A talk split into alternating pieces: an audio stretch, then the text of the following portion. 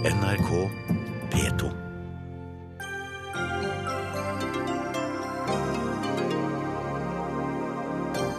Lange atomforhandlinger med Iran ser ut til å gå mot slutten. Nå kan 35 år med fiendtlighet være over, sier forsker. Lønningene til topplederne i staten øker mer enn for de ansatte, viser ferske tall. Klasseskillene blir større, men ingen tar grep, mener Rødt. Metallfestivalen Inferno starter i dag. Hør hvordan lørdagsgodt ble kimen til en helt ny musikksjanger. Og lurer du på hvordan eh, vi kan unngå lange påskekøer? En køforsker gir deg svaret.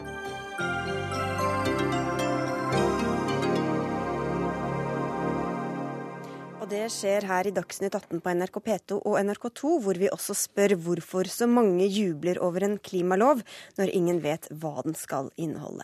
Jeg heter Sigrid Solund.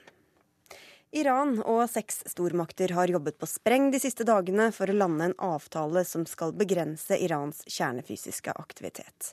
En atomavtale med, med, Iran blir av mange betegnet som en diplomatisk seier for verdens stormakter, og i dag har flere av landene uttrykt at det er enighet om de viktigste punktene i avtalen. Midtøsten-korrespondent Sigurd Falkenberg Mikkelsen, hvor langt er de kommet i forhandlingene nå? Vi er jo nå inne på god overtid her. De skulle jo vært ferdig i natt ved midnatt. Det er de ikke, og møtene har fortsatt i hele dag. Det siste er at eh, Irans utenriksminister Mohammed Jawad Zarif og USAs utenriksminister John Kerry, dette er jo protagonistene i dette diplomatiske dramaet, har hatt et eh, personlig møte Uh, uten at vi vet helt hva som kom ut av det. Men det har altså ikke uh, kommet noen signaler om en definitiv uh, avtale. og Dagen i dag har, vært, har det kommet mange motstridende signaler.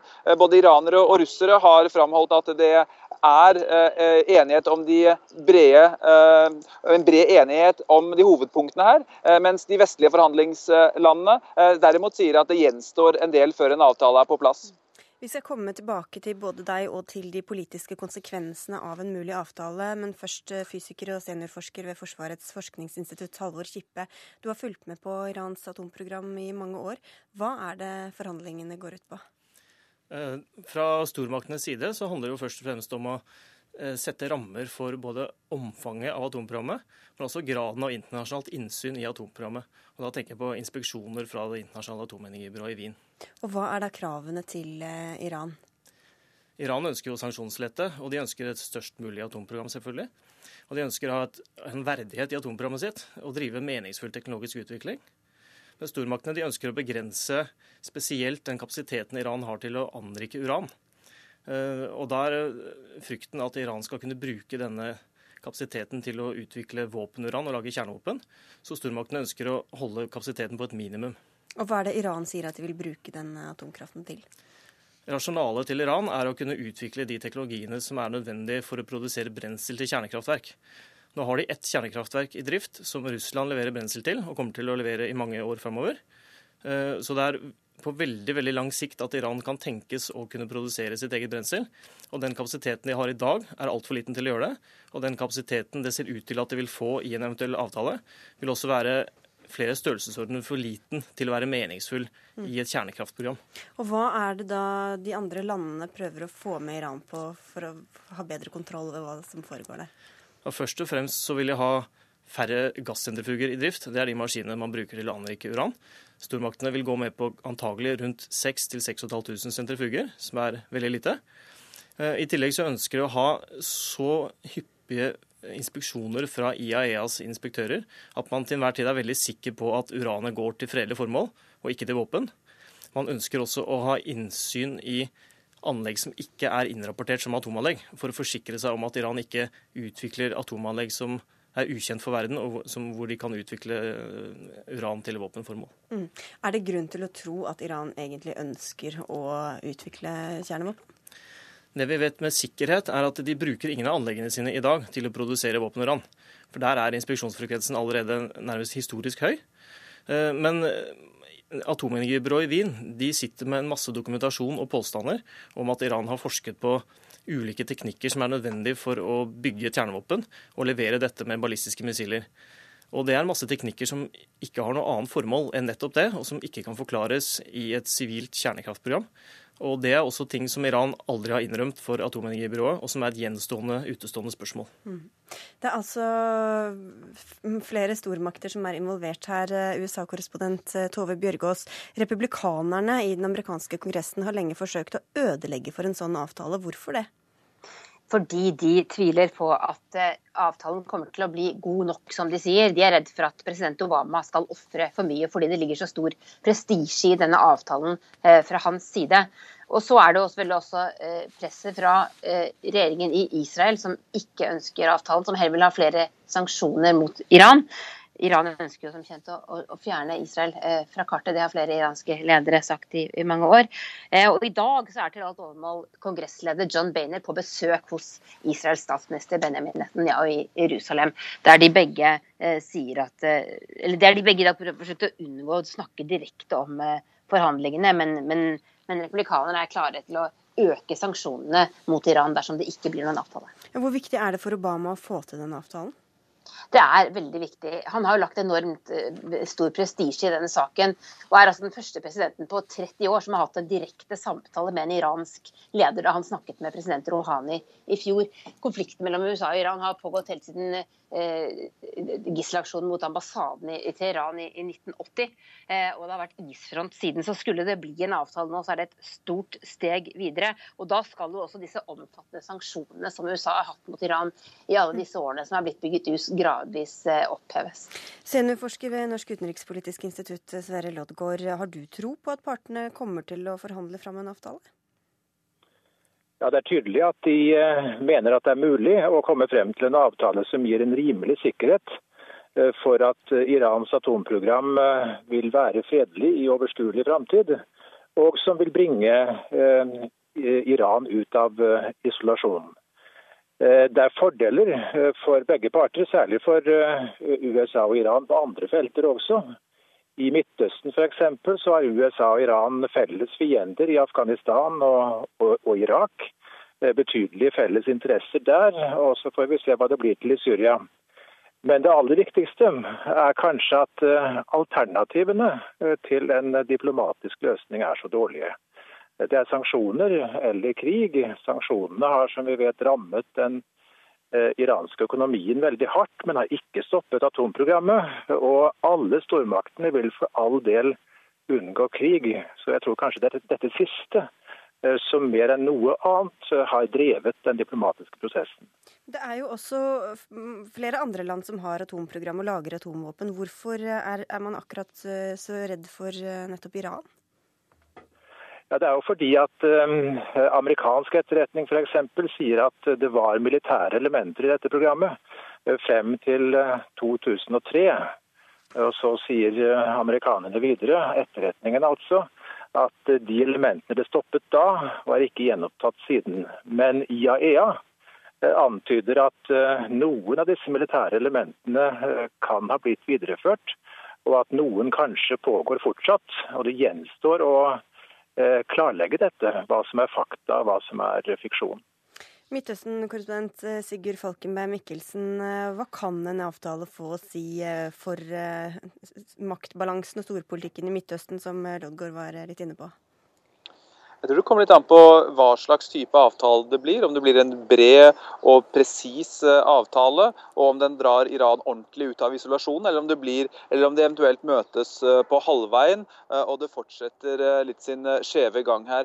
Fordi dette skjer jo i et, et uhyre vanskelig tidspunkt her i Midtøsten, hvor det er krig på en måte som regionen knapt har sett siden andre verdenskrig. Det er krig i Irak, det er krig i Syria, det er krig i Jemen. Eh, bare for å ta det eh, nærområdene til Iran, der Iran er involvert i en eh, mer eller mindre åpen strid med sin regionale hovedrival Saudi-Arabia. Og Det man ser her, og det gjør at amerikanerne står i en dobbeltposisjon her, det er at alle deres allierte her i Midtøsten ønsker jo ikke at det blir en avtale. Saudi-Arabia nevnte jeg, Israel var dere inne på fra Washington, er tydelige motstandere av en slik avtale. Fordi de frykter at den vil føre til at Iran får for mye makt. Eh, så det er mange hensyn å ta for amerikanerne ved forhandlingsbordet her. Eh, og her i Midtøsten følger man selvfølgelig det som skjer i Lausanne, nøye. Ja, Tove Bjørgaas, Hva slags eh, forhold kan man se for seg mellom Iran og USA hvis en avtale kommer på bordet?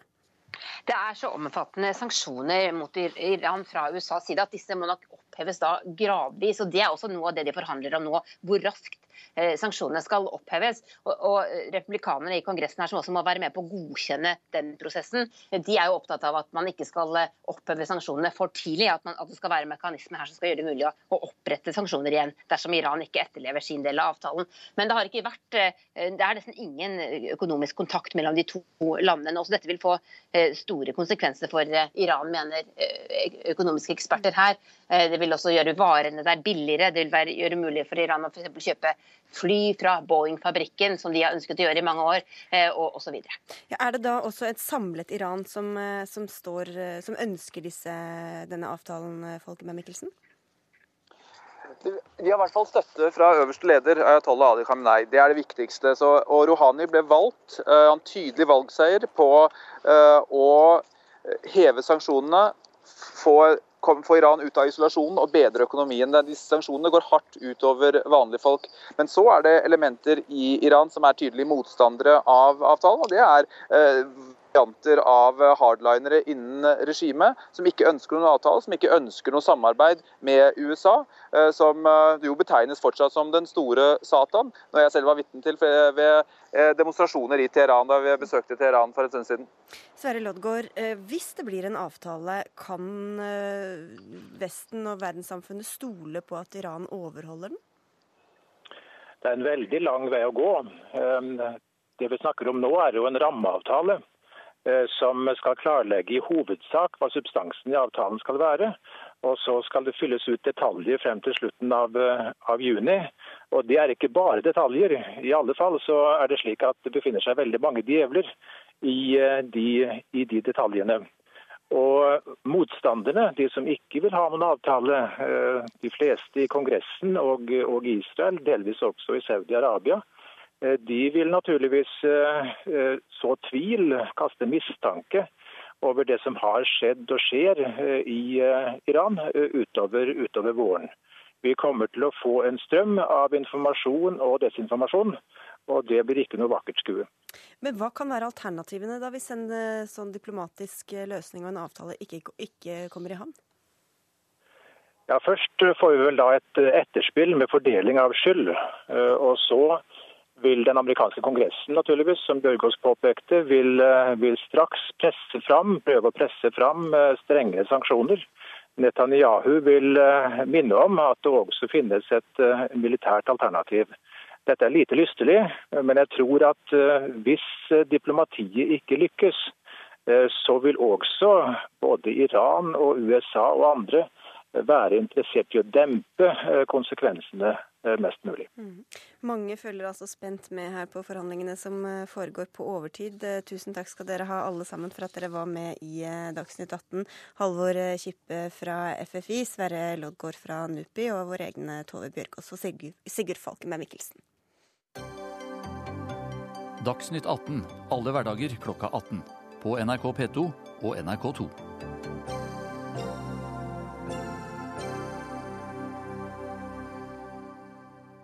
For å få fart på klimapolitikken i Norge har Stortinget nylig bestemt at vi skal ha en klimalov som setter forpliktende mål for eh, mengden CO2-utslipp framover. Men foreløpig er det ingen som vet hva loven skal inneholde, og derfor heller ikke hvor eh, stor effekten kommer til å få. Kristoffer Klyve, du er leder i klima- og miljøavdelingen i Framtiden i våre hender, og dere har vært med lenge og kjempet for å få denne loven. Men hva er det som er så bra med en lov som ingen vet helt hva skal, hva skal inneholde?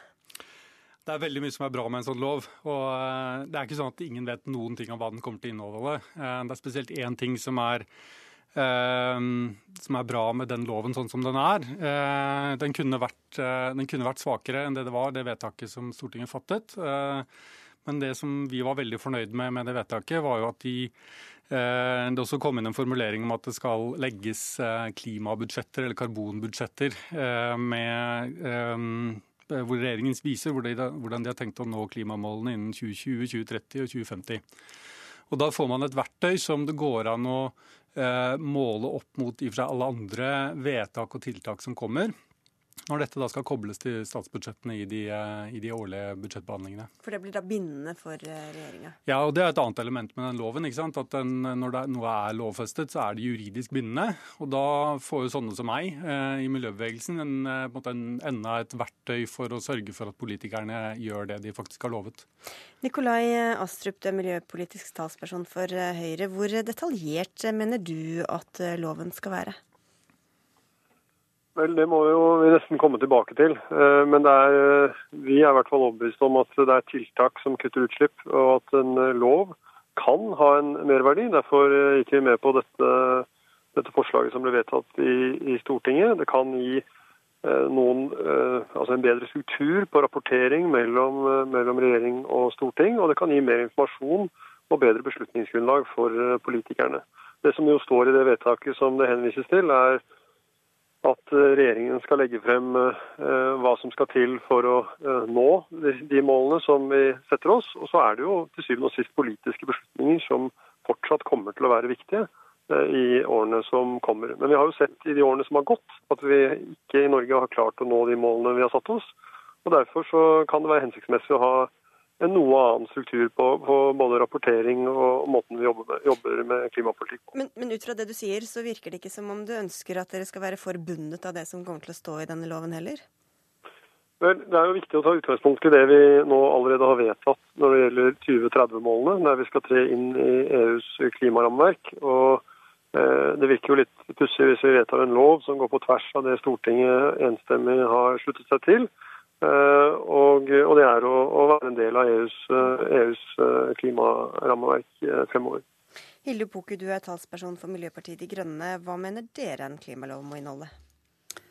Ja, Som det ble sagt innledningsvis fra Framtiden våre hender, så er vi helt tydelige på at målene må konkretiseres, og at vi må dele dem opp innenfor de ulike sektorene, sånn at hver minister vet hvilke målsetninger man må jobbe etter og at da tilsvarende budsjett, annen politikk, eh, blir tilrettelagt sånn at man når de målsetningene innenfor hver sektor, eller altså for innenfor transportsektoren får så og så mange tonn de må kutte hvert år, eller er det det ja, du ser for eksempel. Nå sier jo Høyre at uh, de vil kutte opp imot 40% innenfor transportsektoren. Og da forventer jo vi at det kommer handlingsplaner som gjør at man innenfor det riktige tidsperspektivet vet hva man må gjøre til enhver tid for å nå det målet.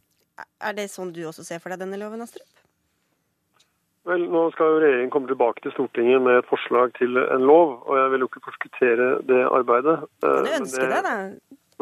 det jeg er opptatt av, er jo at man skal eh, ha eh, god informasjon, et godt beslutningsgrunnlag, og at eh, de målene som Stortinget nå har satt seg, da kommer inn i en, en tydeligere ramme. og det, det, kan vi oppnå gjennom en, gjennom en lov. Men så vil det jo være eh, tiltakene vi iverksetter i de løpende budsjettene som vil avgjøre om vi klarer å nå de målene. Eh, og eh, Vi er helt tydelige på at vi skal ta store utslippsreduksjoner i transportsektoren, for å ta det som et eksempel.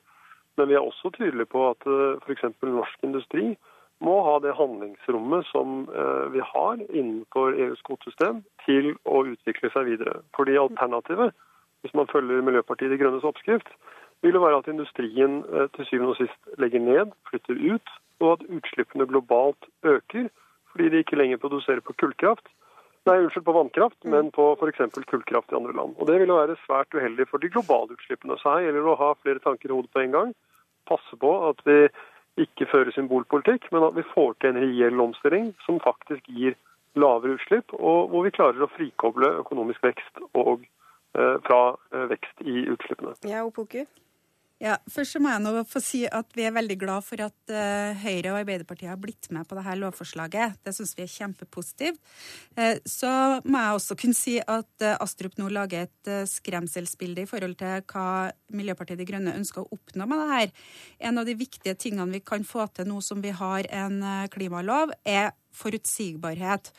Og for industrien så vil det jo også være avgjørende å vite hvilken omstilling vi skal ha i et lengre tidsperspektiv, sånn at man vet på forhånd eh, hvilke andre politiske virkemidler som vil bli satt i verk for at man skal klare å få til en omstilling. Så dette her vil jo gjøre det enklere for industrien å vite til enhver tid hvor de står hen i forhold til forventninger nasjonalt mot det som vi da har kalt det grønne skiftet. For vi vil ha med oss norsk industri inn i det grønne skiftet. Terje Aasland eh, fra Arbeiderpartiet, dere var skeptiske til en klimalov eh, for ikke så lenge siden. Hva skjedde? Nei, var jo, Nå var det jo jeg som var saksordfører eh, den, i den saken som vi nå behandla i Stortinget, hvor Stortinget slutta seg til at den ønska en klimalov. Og Utgangspunktet for det det var jo at mange av de faglige, tunge eh, institusjonene vi har i eh, Norge, deriblant Miljødirektoratet, var tydelige på at, at merverdien i klimaarbeidet var eh, overveiende sannsynlig. Og Det tror jeg også det store flertallet i Stortinget eh, erkjente når en gikk for en klimalov. Og da er det sånn, Vi har fått et, nå et rammeverktøy som gjør det enklere å følge opp klimaarbeidet. Og det er det som er det viktige med det vedtaket Stortinget har gjort. Men du nevnte Miljødirektoratet. De har jo allerede kommet fram til hva som må skje for å, og hva som må gjøres for å nå klimamålene våre. Hvorfor kan dere ikke bare gjøre det i stedet for å vente på et lovarbeid? Jo, altså Vi må begynne allerede nå. Vi må begynne å gjøre eh, endringer allerede nå for å klare å nå de eh, utslippsmåla vi har eh, satt oss, og som vi kommer til å sette oss. Men det som er jeg tror viktig å tenke over når en eh, Eh, tenker på klimalov sånn som Stortinget nå har gitt rammene, det er det for det første det er at eh, en ved å lovfeste utslippsmåla i 2030 og 2050 skaper større forutsigbarhet og mer autoritet i det som er eh, nasjonens forpliktelser når det gjelder klima. Og Det andre det er at en får et avtalt eh, rammeverk for hvordan en skal kommunisere mellom Stortinget og regjeringa, og det tror jeg også er veldig viktig i fortsettelsen når vi snakker om klima. Ja, altså Vi er også veldig, veldig glad for at denne loven eh, kommer til å komme. Og vi er veldig glad for at eh, de store partiene, Høyre og Arbeiderpartiet, eh, er så offensive, eh, og mer offensive enn de har vært. Og at de setter disse Eh, fine formuleringene som de har holdt på med en del år på klima, i, om i en, eh, en, konkret og juridisk forpliktende eh, lov. Mm. Eh, og det er veldig bra. Men for at dette her skal faktisk bli en suksess, eh, og bli noe som faktisk var vendepunktet for norsk klimapolitikk, altså den dagen hvor vi faktisk begynte å kutte utslipp, så trengs det mer enn bare klare mål. Altså Vi må også ha en god plan eh, for å nå de målene. og Det betyr ganske detaljerte karbonbudsjetter. Vi må ha rapportering på de samme budsjettene gjennom årlig rapportering, og det må være en instans utenfor storting og regjering som faktisk følger det opp. Det kan gjerne være Miljødirektoratet, men det, det, vil i så fall gi Miljødirektoratet et helt annet og mye sterkere mandat til å være en slags vaktbikkje eh, på vegne av klima enn det de er i dag. Er dette noe du ser for deg også, Aasland? Ja, Det skal jo nå eh, etter vedtaket i Stortinget rapporteres, og en skal anvise eh, veien framover i de årlige budsjettene når klimaloven er på plass. Eh, så Sånn sett så tror jeg vi har lagt et godt rammeverk gjennom det vedtaket vi har eh, gjort i Stortinget. Og det er klart at eh, vi må forplikte oss til de måla som er der framme. Og det er først og fremst politisk vilje som må til. Men det er veldig godt da å ha et avklart rammeverk, lovfesta, for hvordan det arbeidet skal utføres. Hilde Boke, hva mener du bør skje da, hvis, hvis man ikke holder det som står i loven, og ikke gjør det som står der? Skal man da trekke regjering og storting inn for retten, eller? Altså Den ytterste konsekvens må jo være, eh, hvis man bryter klimaloven som med annet lovverk, at man eh, stiller den ansvarlige ministeren til ansvar for hvorvidt man har jobba for å nå målene, og, ta, og eventuelt man er nødt til å ta konsekvensene hvis man ikke har gjort det. Eh, nå har vi fått på plass et lovverk som er enig i at rammebetingelsene er ganske gode, selv om vi ønsker at, at det skal bli enda tydeligere forpliktelser og enda klarere rammeverk. Så må den ytterste konsekvens, i likhet med brudd på annen type lovverk, være at ansvarlig minister stilles til ansvar. Det blir vel noen av dine partifeller i så fall, det, Astrup? Ja, vi har tenkt å sitte lenge, vi. Så, så det kan du legge til grunn. Nei, altså vi, akkurat hvilke, hvilke, konsekvenser eh, brudd på loven har, det må vi jo komme tilbake til. Men er, er det vits med en lov som ikke får noen følger, da? hvis den blir brutt? Jeg har ikke sagt den ikke skal få noen følger, men eh, hvilke følger det vil få å bryte en slik lov, det må vi jo komme tilbake til når loven eh, legges frem. Det er litt prematurt å si nå. Det viktige er at nå kommer lov på plass, men enda viktigere enn det er at vi gjennomfører tiltak som gjør at vi når de målene vi setter oss. Og det er, dette, De vedtakene som er gjort i Stortinget, gjør jo at man åpner for, eller man har sagt, at regjeringen hvert år skal legge frem hvordan man kan nå målene, og så vil det være opp til Stortinget å vedta hvordan man i realiteten skal klare å nå dem. For det vil være politiske avveininger her, som, og det vil være forskjellige oppfatninger mellom ulike partier om hvordan disse målene skal nås. Og det er klart det er ikke én vei til målet. Det er mange ulike måter å komme dit på. Mm. Og det vil være forskjellig syn på det. Og den loven vil jo måtte ta høyde for nettopp at det er forskjellige politiske prioriteringer og forskjellige måter å nå de målene vi setter oss. Men det er et vesentlig poeng at eh, regjeringen nå, etter at den får en eh, sånn eh, type lov, så må regjeringen altså legge fram budsjetter og handlingsplaner og tiltak som gjør at den når de fastlagte, lovpålagte målsettingene. Så Sånn sett så blir kommunikasjonen tror jeg, veldig annerledes og mer interessant i fortsettelsen. Og jeg tror også med det rapporteringssystemet som er eh, tatt opp i Stortinget, gjør det veldig mye tydeligere for alle hvor vi er henne i klimaarbeid til enhver tid. Så Det er det som tror jeg kommer til å være de store konsekvensene, og som kommer til å gjøre klimaarbeidet mye mer, eh, mye mer forståelig for, for, eh, for, alle. Og Fremskrittspartiet stemte jo imot helt på tampen her, Klive. Hva er det verste som kan skje?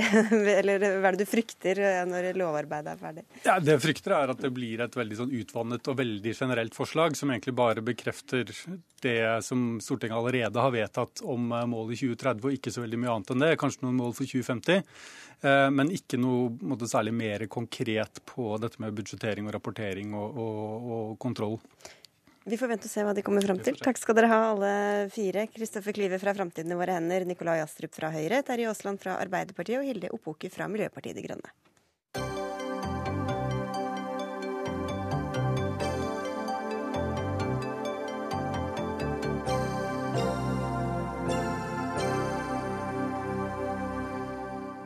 Jobber du i offentlig sektor, kan du være ganske sikker på at eh, lønna til sjefen din går opp raskere enn din egen. For lederlønningene i offentlig sektor vokser fortere enn både lederlønninger ellers og vanlige lønninger. Det viser årets hovedrapport fra Teknisk beregningsutvalg for inntektsoppgjørene, som er grunnlaget for lønnsoppgjøret. Og Bjørnar Moxnes, leder i partiet Rødt, hva synes du om at forskjellene fortsetter å øke?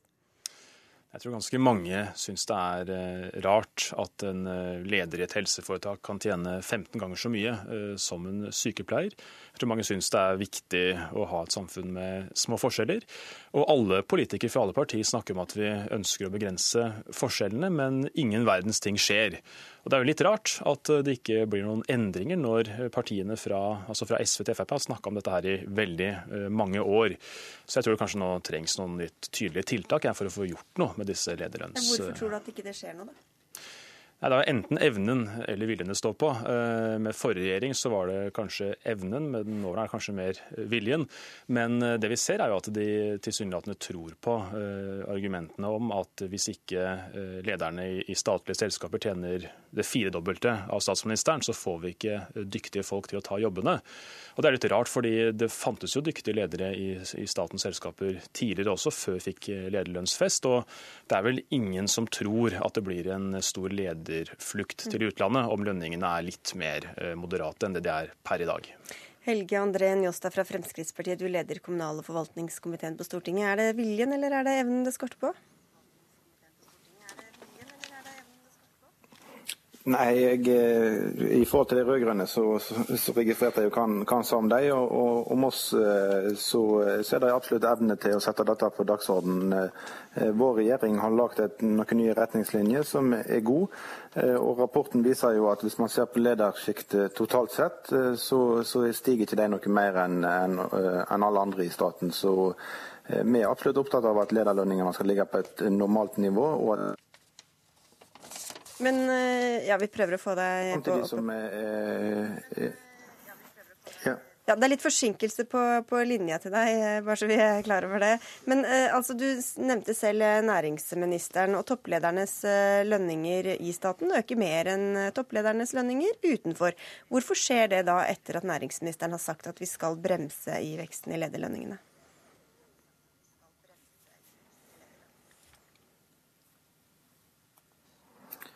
Nei, Nå datt linja litt ut. Kan, du gjenta spørsmålet en gang til? Du, vi ringer deg opp på telefonen i stedet.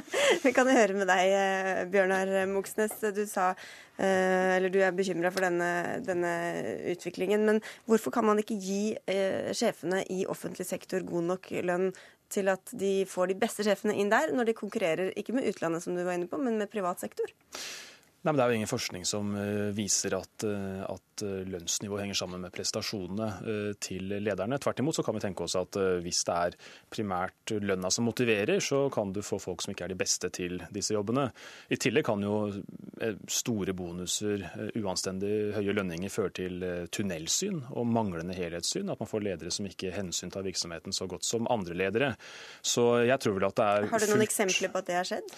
Altså, Vi har jo, har jo eksempler på at det har vært vært eh, gjort tatt dårlige beslutninger eh, av ekstremt høyt lønnede ledere i f.eks. Telenor, for å nevne et eksempel på men det. Ikke fordi at de har for høy lønn og dermed så Nei, nei men det viser i hvert fall at det ikke er noen nødvendig sammenheng mellom høytlønnsnivå høyt lønnsnivå og prestasjoner.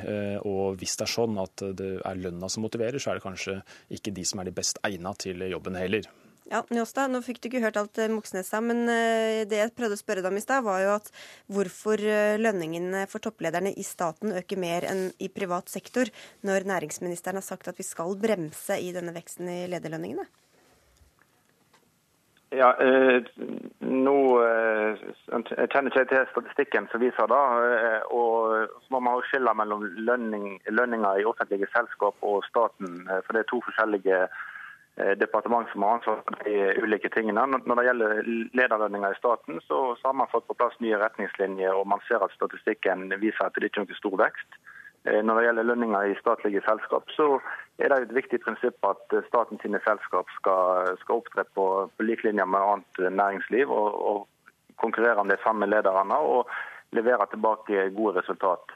Eh, sånn at Man må skille mellom de to rollene som staten har, både i forhold til egne ansatte og i forhold til selskap som man er hovedaksjonær eller delaksjonær i. Paradokset er jo at de siste årene har det kommet eh, veldig mye forskning som viser at, eh, at, likhet løfter alle. Når både OECD og World Economic Forum mener at økende ulikhet er et eh, alvorlig samfunnsproblem, så er det jo rart at ikke ledende politikere i de store partiene tar det her på alvor. og Mange snakker pent om dette, men det er veldig liten, lite praksis å spore.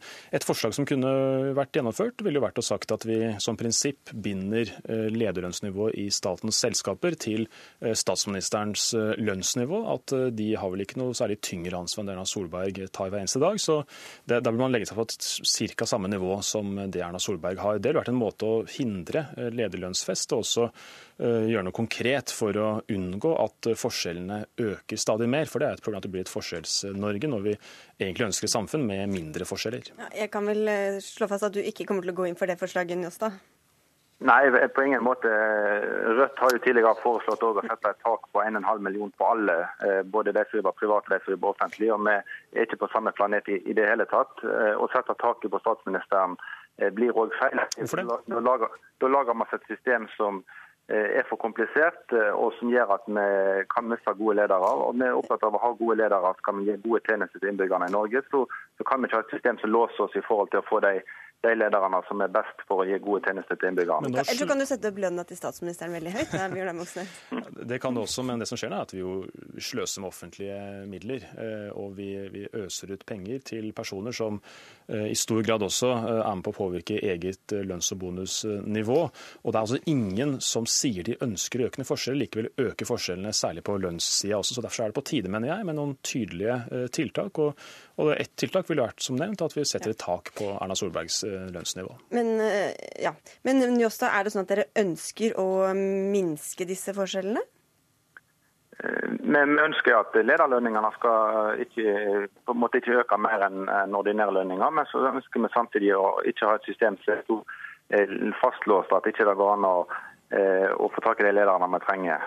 Så Det er viktig å ha et praktisk system, og det er det man har fått på plass nå. og Vi ser at i staten, hvis man ser på alle ledere, ikke bare topplederne, eh, har samme utvikling som eh, andre ansatte i staten. og Da er vi på et nivå som er fornuftig og eh, som er bra. Men hvordan kan dere vite helt sikkert at vi ikke får tak i dyktige folk til å være ledere, hvis ikke vi gir dem fire-fem millioner i lønn? Altså Hva er det som tilsier av erfaring at du må ha såpass høyt lønnsnivå før du kan få tak i dyktige folk? Det var ikke sånn tidligere, men vi hadde jo også dyktige ledere før. så Jeg er spent på hva som er, hva som er begrunnelsen her. Eh, og vi har mange dyktige ledere i staten som har lavere lønn enn 4-5 millioner. Eh, og vi har mange dyktige mellomledere som har lavere nivå. Så Nettopp. her snakker, ja. så, så her snakker Dette er jo gode nyheter. en, å finne en, prakt, en praktisk løsning, men vi skal ikke sette et tak som gjør at, eh, at vi mister de som vi trenger i viktige Men det er jo sirkelargument, du begrunner jo ikke, du forklarer ikke hvorfor det er sånn. Altså, hvordan vet du at du mister dyktige folk hvis du setter taket på la oss si Erna Solbergs lønnsnivå? Nei, det er jo klart at eh, Hvis man skal sette et tak eh, Nå vil jo Rødt gå enda lenger og si at man skal sette et tak eh, over, over hele linja. Ja, men La oss nå holde oss til staten da, og statens selskaper. La oss ta det. Ja, da får du svare på det avslutningsvis. Hvordan vet du at man da ikke får tak i de lederne som er de beste, hvis man har et sånt tak? Nei, det er jo klart at Da har man mista en mulighet til å rekruttere de man eh, får. Eh, Men nå er det ikke sånn automatikk i at man legger seg på et sånt nivå når man skal rekruttere ledere i, i staten. Men eh, å ha et tak vil, vil gjøre at man, man mister muligheten til å få de man trenger, hvis lønn er en viktig konkurranse. Du klarer jo ikke å begrunne dette, det er jo interessant. Vi må sette strek der. Takk skal dere ha, i hvert fall god påske ja, til dere, Helge André Njåstad fra Frp og Bjørnar Moxnes fra Rødt.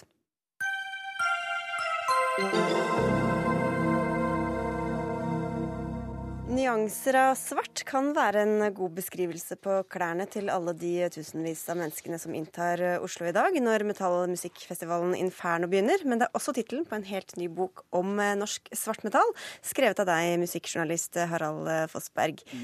Hva fikk deg til å bli fascinert av denne sjangeren i utgangspunktet? Altså, det er jo, jeg har jo bakgrunn i punken, da, så er, jeg liker at det skal være litt primitivt rått og rett på sak.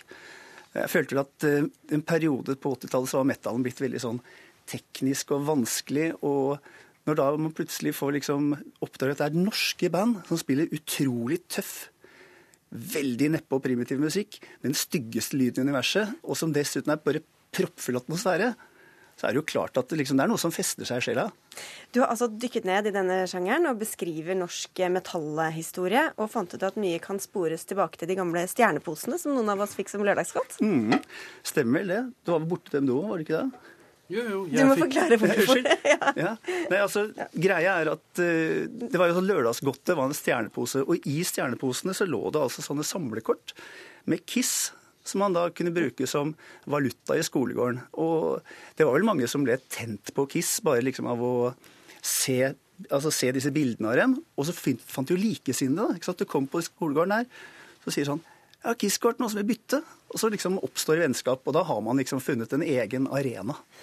Ole Jørgen, må nå av, avbrøt jeg akkurat når du skulle svare. Du er også kalt Apollyon. Du har spilt og sunget uh, i og med diverse norske uh, black metal-band opp gjennom åra, nå sist i Aura Noir og Dødheims Gard. Var det stjerneposene som var uh, utløsende for deg òg? Ja, det var veldig hyggelig med stjernepose. Så. Um, jeg fikk Kiss-kort, og søsteren min fikk ABBA, var det vel. Og så, så var det sånn, Da jeg startet i første klasse, så var jo alle guttene var Kiss-fans. Enda det var bare jeg og en til som faktisk hadde hørt en sang eller noe sånt. Men det var jo umulig å ikke like ved sånne skumle fjes og alt sånt.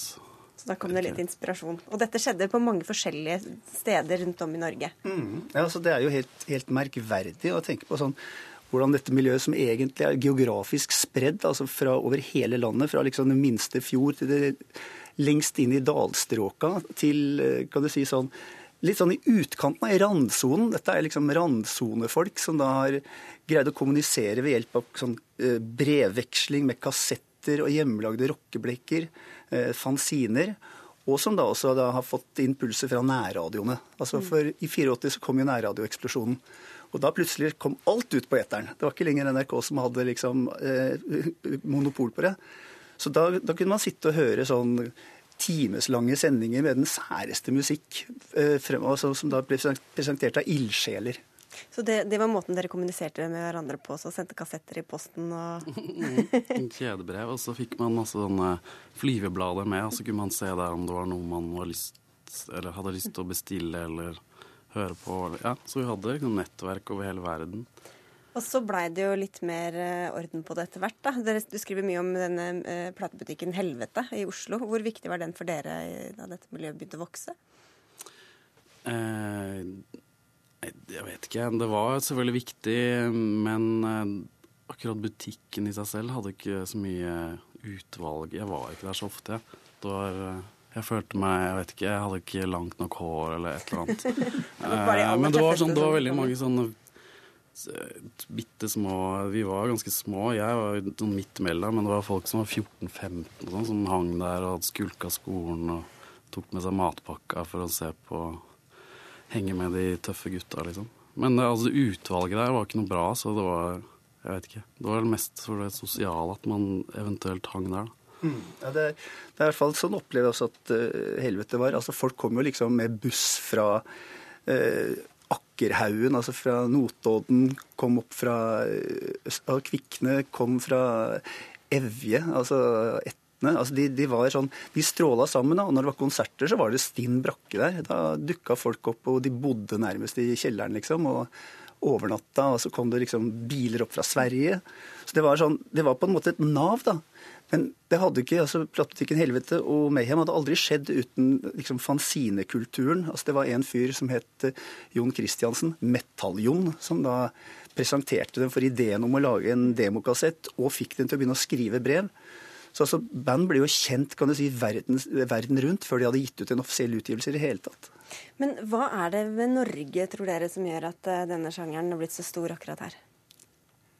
Mm, jeg vet ikke, det var et eller annet med at man liksom gjorde opprør mot eh, den eksisterende metal, eller undergrunnsmetallsjangeren som var størst da, som var kanskje death metal og jeg vet ikke, trash metal og masse sånt. Men, eh, og Norge var ikke noe store på det i det hele tatt. Det var liksom to band, Dark Throne og Kadaver. Og så Men så ble hele den eh, sjangeren ble litt sånn eh, utvannet av eh, ikke, sånn bransjefolk som ville ha sin del av kaka, ville at alle skulle låte likt og litt sånn strømmelinjeformet. Du vet, Og så ble det bare sånn at de norske bandene tok en helt annen retting og sa sånn anti-jantelov-aktig. At vi er tøffest, og alle andre kan bare reise til et, et sted. Og så Ganske ny, skrudde liksom helt annen lyd, mye råere uttrykk og mer Bare forvirret alle de andre metal-folka med å gå med fløyelsskjorter og lese Lese fancy dikt Nei, det var alt Men det er ikke noe sånn der at det var noe alkohol Alt sånt var liksom mer sett ned på, så det, det var noe helt annet. Og det vakte oppsikt. Det, var, det stemmer. Altså, det, er sånn der, det, var at liksom, det var en sånn teknifisering av metallen. Da. Folk ble, liksom, det var sånn der, bli flinkere og flinkere til å spille. Til slutt så har den spiralen gått så høyt opp at det må komme en motreaksjon. Og at det kom i Norge, liksom den der at man bare kutta brått av og liksom kjørte teknikken i bånn. Teknikken på null og stemning på topp. Det gjør jo at, eh, at det liksom blir en helt annen greie. Så tror jeg også at det er liksom et eller annet med naturen her. Da. Altså, det er jo sånn der, det er folk som liksom bor opp til fjells og nær sjøen, og det er tåke og dis og fossefall og sånn. Du blir jo litt inspirert av det. Det er ikke, så veldig, det er ikke noen urban sjanger, egentlig. Altså, de fleste folka kom fra postnumre som var litt mer Var ikke 2000, 5000, 7000, liksom. 2857-greia. ikke sant? Men hvor står norsk black metal i dag, da? Det er jo blitt, altså det er blitt en verdenskjent sjanger. Altså Folk prøver jo å late som de er eh, Om de kan spille liksom på norsk. Eh, vi, altså, jeg vet ikke. Det er jo sånn, det er åpenbart at det kommer jo nye band hele tida. Og det er jo en, det er mange som prøver liksom å holde seg til kan si, den slags regelverket som ble lagt ned en gang tidlig på 90-tallet. Samtidig så er det de, de, som er mest black, liksom, er de som har brutt ut og gjør akkurat sin egen greie. Og bryter med alle konvensjoner. For det er egentlig det det handler om. Altså Black metal var å bryte med konvensjoner, føler jeg. Mm. Men nå skal dere ned på Inferno-festivalen og Nei, men uh... Det er i hvert fall mange mennesker som strømmer dit. Det er mange som skal dit. Definitivt. Det er 13 år jeg skal være der. På rad. Du får kose deg, og du skal gjøre noe helt annet. Jeg skal opp til fjells og leke med hunder. Sånn hund, hundekjøreturisme. Da får dere ha god tur begge to, og tusen takk for at dere kom til Dagsnytt 18.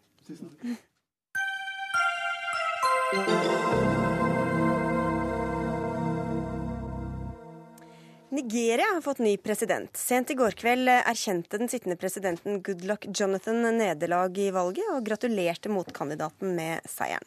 Denne aksepten av nederlaget gjorde at en talsperson for den nye presidenten, Muhammad, Muhammadu Buhari, eh, kalte forgjengeren for en ekte nigeriansk helt. For det var ikke gitt at et nederlag kom til å bli godkjent sånn helt uten videre, Afrikakorrespondent Kristine Presttun. Det var det ikke. Det var knyttet stor spenning til nettopp hvordan den sittende presidenten ville takle å tape dette valget. For det er faktisk første gang i Nigerias eh, moderne demokratiske historie at en sittende president må tre til side. Og faren var stor for opptøyer, særlig mellom kristne og muslimer. Det skjedde etter sist eh, valgresultat. Eh, og derfor så var lettelsen så stor, både hos folk i Nigeria og hos internasjonale observatører, når Goodluck Jonathan nå gikk ut så raskt og aksepterte dette valgresultatet. Og Derfor er han på mange måter eh, den store helten eh, i dag. Men spørsmålet nå er om han har kontroll på sine støttespillere. Eh, Bl.a. krigsherren Tom Polo har jo truet med full krig i Niger-deltaet hvis Jonathan skulle tape. Dette er forresten mannen som har fått kloa i de norske Nigeria-båtene. Så det er verdt å følge med nå på utviklingen i disse statene i sør, som er så rike på olje, men der det brede laget av befolkningen ikke har sett noe til den rikdommen. Og Det vi også forbinder med Nigeria, er jo Boko Haram, som drepte 7300 sivile i fjor, ifølge FN. Spiller det noen rolle nå i kampen mot Boko Haram at det har vært et skifte i Nigeria? Det er jo det folk håper, særlig alle de som stemte på ham eh, i nord. Eh, dette er en mann som selv ble utsatt for attentatforsøk i juli i fjor fra det som høyst sannsynlig var Boko Haram. Og han har sagt både før og også etter valgseier nå at hans kampsak nummer én det er at han skal gjøre alt han kan for å knuse Boko Haram. Og for folk i dette området så er det rett og slett et etterlengtet budskap. Eh, Boko Haram har fått lov til å herje i seks år, og det er egentlig først de siste seks ukene at det har vært vært eh, reelt gjort noe for å bekjempe de militante islamistene. Eh, så det er klart, de håper nå at noe vil skje. Og så håper de nok også at han skal gjøre noe med roten til problemet her. Det er nemlig den ekstreme fattigdommen i disse tre delstatene i nordøst. Tom Kristiansen, du har vært eh, Afrikakorrespondent for NRK tidligere gjennom mange år og dekket mange afrikanske valg. Og det er altså ikke gitt at det skjer som det har skjedd nå, at noen sier jeg, jeg tapte, og går av stille og rolig. Nei, og det er bare de som har gjort det. Mandela, Kaunda, Nyerere, som er blitt de store heltene. Eh, ved å gratulere sin, eh, sin, etterfølger etter å ha tapt valget, så har eh, Goodluck Jonathan eh, satt en påle i nigeriansk politikk. Han har vist at han har skjønt demokratiets regler, og han har skjønt at han klarer å håndtere det vanskeligste ved demokrati, nemlig å tape. Og her har man altså nybegynnere i demokrati, og som altså klarer den prøven. Og det er utrolig å se reaksjonene i Nigeria, hvordan det har varmet folk at Jonathan har lykkeønsket eh, Buhari som sin eh, etterkommer. Så det er veldig, veldig stort. Men Buhari kjenner det jo også litt fra før Han er ikke noen helt ny eh, fersking i politikken. Fortell litt om bakgrunnen. Nei, Han er ingen fløtepus heller. Han begikk statskupp i 1983. Eh, han har vel egentlig ingen utdanning. Eh, på papiret står det at han har en stor militær utdanning, men det tror jeg bare var et brevkurs, altså. 72 år gammel. Eh, han var ganske hard i klypa på den tiden, og han forsvarer det statskuppet i 1983. Han sier landet var i ferd med å gå fra hverandre i korrupsjon og, økonomisk vanstyre. Det var nødvendig å gripe inn, og så ble han styrta sjøl etter to år. Han innførte veldig strenge regler på økonomien, reduserte statsbudsjettet, mange mista jobben av den grunn, utviste 700 000 eh, illegale innvandrere. Og han eh, var ganske hard i klypa når det gjaldt forbud mot streiker, eh, forbud mot eh, å krenke presidenten, så det var en del journalister som røyk på det. Og så arresterte han Fela Kuti, den store musiker, fordi han hadde ytret seg kritisk. Og så gikk han til kamp mot manglende disiplin i landet? Det er riktig. Du fikk bot hvis du ikke sto ordentlig i kø. Du måtte gjøre sånne froskehopp på gulvet hvis du kom for seint på jobben. Han innførte en regel for ungdom som juksa i skolen, med 21 års fengsel som strafferamme. Så det er, det er klart at det er jo en del som, det er en del som husker en, eh, husker en pga. En, en, del av disse tingene. Ja. Og så er han muslim, Kristine Presttun. Hvor viktig eh, er det, og hvor viktig er disse religiøse skillelinjene i Nigeria politisk også? De er eh, ganske viktige. Det går jo et sånt eh, eh, generelt skille mellom nord og sør, sier man, med det kristne sør og det muslimske nord. Men han var ganske lur, Buhari, fordi han tok med seg en kristen visepresidentkandidat. Og det gjorde at han har utvidet stemmegrunnlaget sitt, og at dette valget har blitt kan du si, mindre religiøst betont enn en tidligere valg. Korrupsjon er jo også et kjempestort problem i landet. Hva er sannsynligheten for at han kommer til å slå ned på det, Tom Kristiansen? Ja, det kommer han til å slå ned på. Det slo han ned på forrige gang, og han var nokså hard i klypa. Og han har sagt at det kommer han til å gjøre igjen. Bekjempe korrupsjonen. Og i Nigeria der har man gjort forsøk på å bekjempe korrupsjonen, og det gikk veldig hardt utover de som prøvde seg. De hadde sin egen kommisjon og et helt apparat for å bekjempe korrupsjon.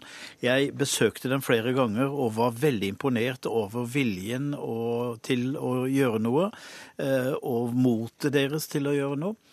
Og hvis nå, hvis nå, Buhari setter i gang igjen dette arbeidet i kampen mot korrupsjonen, så kan de komme langt, langt, langt opp på listene. Men kan, de, kan han også Kan jeg stikke ja, Kom igjen, Kristine. Kan jeg komme inn der, eh, Sigrid? Fordi at det var nettopp det folk fortalte meg i Abuja.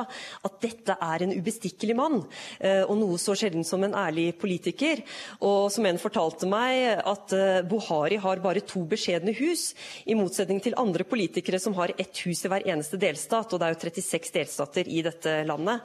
Og dette med at politiske topposisjoner i Nigeria er synonymt med enormt rikdom, eh, det er jo det han nå faktisk kanskje kan bevise at det ikke trenger å være. Og det er det som gjør at de har tillit til at han kanskje da faktisk kan bekjempe korrupsjon. Så der er det optimisme, men hva med løftet om å slå ned på Boko Haram? Er det en like stor grunn til eh, å tro på det? Det er, det er jo der eh, Johnson har feila. Han har ikke kommet noen vei med det. Men eh, den som kommer nå, han kjenner jo Hæren.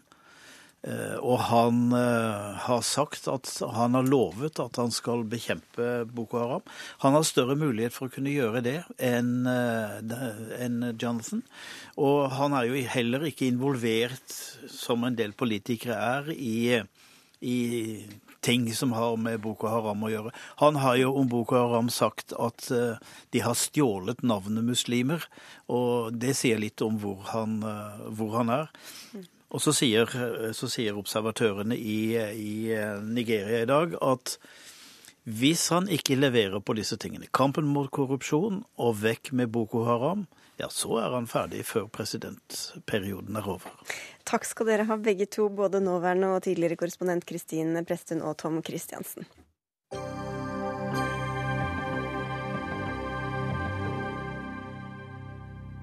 Kanskje sitter du nå og hører på Dagsnytt 18 mens du irriterer deg over biler foran deg i køen, eller du gjorde det i går, eller skal gjøre det i morgen, eller på vei ned fra påskefjellet søndag eller mandag. Og kanskje er det nettopp du som starter eller forårsaker køen? Nettopp kø er noe du har forsket mye på, Torbjørn Haugen. Du er førstelektor ved Institutt for bygg, anlegg og transport ved NTNU. Hvilke ulike grunner er det til at køer oppstår? Ja, det, det er forskjellige grunner til at det kan oppstå kø. Eh, og vi snakker Generelt så snakker vi om kø på strekning, eh, og det er jo det som ofte skjer nå i påsketrafikken. Vil si at det er rett og slett er så mye trafikk som vil gjennom veien at eh, det går ikke. Og, trafikk det kan du på en måte sammenligne med vann. Hvis det er for mye vann du prøver å presse gjennom et system, og ikke røret er stort nok, så, så, hoper det seg opp. Og sånn er det med trafikk òg. Men så kan det komme også litt andre tilfeldigheter som gjør at uh, plutselig så blir det kø?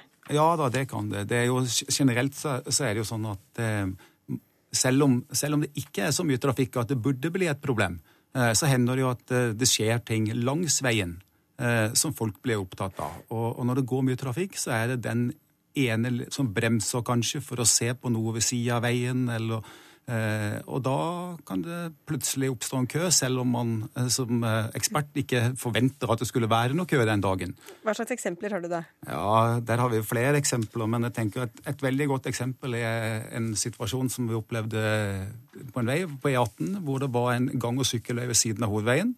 Eh, og det var ikke så mye trafikk på E18 at det skulle bli noe problem. Men så viste det seg da at det var en syklist som hadde sykla seg av og klart å tre huet mellom noen sprinkler på ei bro, og der satt den fast. Og da er det klart det var det mange som bremsa for å se på den syklisten som satt fast der. Eh, og det der tok ganske lang tid, for de måtte også ha tak i brannvesenet med en hydraulisk jekk for å få, få den løs igjen. Eh, men det gikk bra med den, var helt uskada. Men det, det, var en episode som da mange bremsa for å se på, og som skapte mye kø, og som varte i timevis utover ettermiddagen og kvelden. Men hva bør folk gjøre da for at det skal bli minst mulig kø? Det viktigste når man er ute og kjører på, på, veien, det er jo selvfølgelig å være aktsomt og følge på bilen foran seg. Altså ikke ha for lang luke. Noen tror jo at det er smart å holde litt god avstand når man kjører i kø. Eh, man må holde så mye avstand at man har trafikksikkerheten i behold. Men man må ikke holde lang avstand fordi at man tror at det er smart i tilfelle bilen foran stopper. Eh, så, så avstand mellom bilene det er da den faktoren som viser hvor mange biler som man klarer å få gjennom, gjennom veien. Og så er det jo litt ulikt hvor utålmodige vi er. Og noen skifter fil så fort de kan når det ser ut som den andre beveger seg litt fortere. Hva slags følger for det? Ja, Det, eh, det er sånn at hvis, noen, hvis, man skifter fil, og den i nabofila da må bremse opp, at man presser seg ut og frem og tilbake, så vil jo det kunne skape køer for dem som kommer bak. Og Hvis en må plutselig bremse, så må den bak han bremse, og den bak der bremser, og plutselig så har man da skapt noen køer som, eh, som man ikke ønsker. Og man merker det jo ikke sjøl, for, for sjøl er en jo kanskje foran denne køen. Ja, så, eh, så, det er lønnsomt for den som skifter, men ikke for alle andre? Eller? Det kan være lønnsomt for den som skifter, men generelt, hvis en ser på, på totaltrafikken f.eks. over en time, så ser vi at gjennomsnittshastigheten i de ulike feltene den er omtrent det samme. For hvis man ser på E18 ut av Oslo og rundt der, så, så, er hastigheten i de ulike feltene i gjennomsnitt den er den samme. Den er alltid, alltid bedre den jeg ikke er i. Ja, det virker ofte sånn. Det er sånn det er alltid om du står på butikken eller om du er på veien, så går det alltid raskere enn nabokøa. Men hvorfor er det så vanskelig å bli kvitt køen hvis den først har oppstått? Ja, det er jo en av, en av, grunnene til det det er jo at når folk sitter i en sånn kø, så blir man litt uh, uoppmerksom, og ofte så vet man jo ikke helt når det slutter køen. Køen den går litt, så stopper han litt, og så går det litt igjen, og så stopper han litt, og så plutselig så bare gikk det, og så var det ikke noe mer kø foran deg. Uh, og da er det jo da Hvis du da At man ikke greier å henge tett nok på bilen foran. Mm. Uh, sånn at det blir rett og slett for store luker mellom bilene på nedsida av køa. Sånn, og da vil det jo være sånn at den, den trafikken som kommer inn bak i køen, og da større enn den trafikken man greier å få ut foran i køen. Og eh, Mobiltelefoner er kanskje ikke Guds gave til alle som vil komme fort fram? i Nei, mobiltelefoner er jo, ikke, er jo ikke, heller ikke lovlig å bruke. Mindre det hender jo at noen bruker det likevel? eller? Ja, Det hender sikkert at noen bruker det likevel, og det, det, gjør jo også at du er mindre oppmerksom. Mm. Ikke sant? Så det, alt, alt som tar oppmerksomheten, er jo, er jo eh, en ulempe både for trafikksikkerheten, men også for fremkommeligheten. NAF eh, sa nylig at kvinner er bedre sjåfører enn menn, i hvert fall sikrere. Men hvem eh, har du inntrykk av er flinkest i køa, da? Etter, om det er noen som er flinkest når du, i selve køen, det, det, skal jeg ikke ha uttalt meg om. Men eh, det som, når det gjelder det å unngå køen, altså det er jo det første skrittet, at det hindrer at det oppstår kø. Og da er det jo ofte menn som er disse som tar disse umotiverte forbikjøringene. Altså det å kjøre forbi biler når det er kø så langt du ser. Det kan også være med å skape disse friksjonene. At du, du må vrenge inn, det er trafikkfarlig, og så må plutselig den bilen du svinger inn foran, den må bråbremse. Og så får du den forplantninga bakover som gjør at kanskje var det akkurat den forbikjøringa eller det som også skapte køen den dagen. Nå er det vel ikke så mye kø på utfart eh, lenger, men eh, et siste kort råd til alle som allerede nå gruer seg til hjem, hjemveien på søndag eller mandag? Ja, Det er jo for det første å ta det med ro. Hold plassen i køen, og, og følg med etter bilen foran. Og skru på radioen, så har man alltid litt på eh, underholdnings underveis. Du, tusen takk skal du ha, Torbjørn Haugen, førstelektor eh, ved NTNU, for at du var med i Dagsnytt 18, og god påske, får vi vel si. I like det. Dagsnytt 18 tar også påskeferie nå. Eh, Vi er tilbake da tirsdag etter eh, påske. Dagens eh, utgave er over. Det var Ida Tune Øretsland som hadde ansvaret for den. Lisbeth Sellereite var tekniker, og jeg heter Sigrid Solund.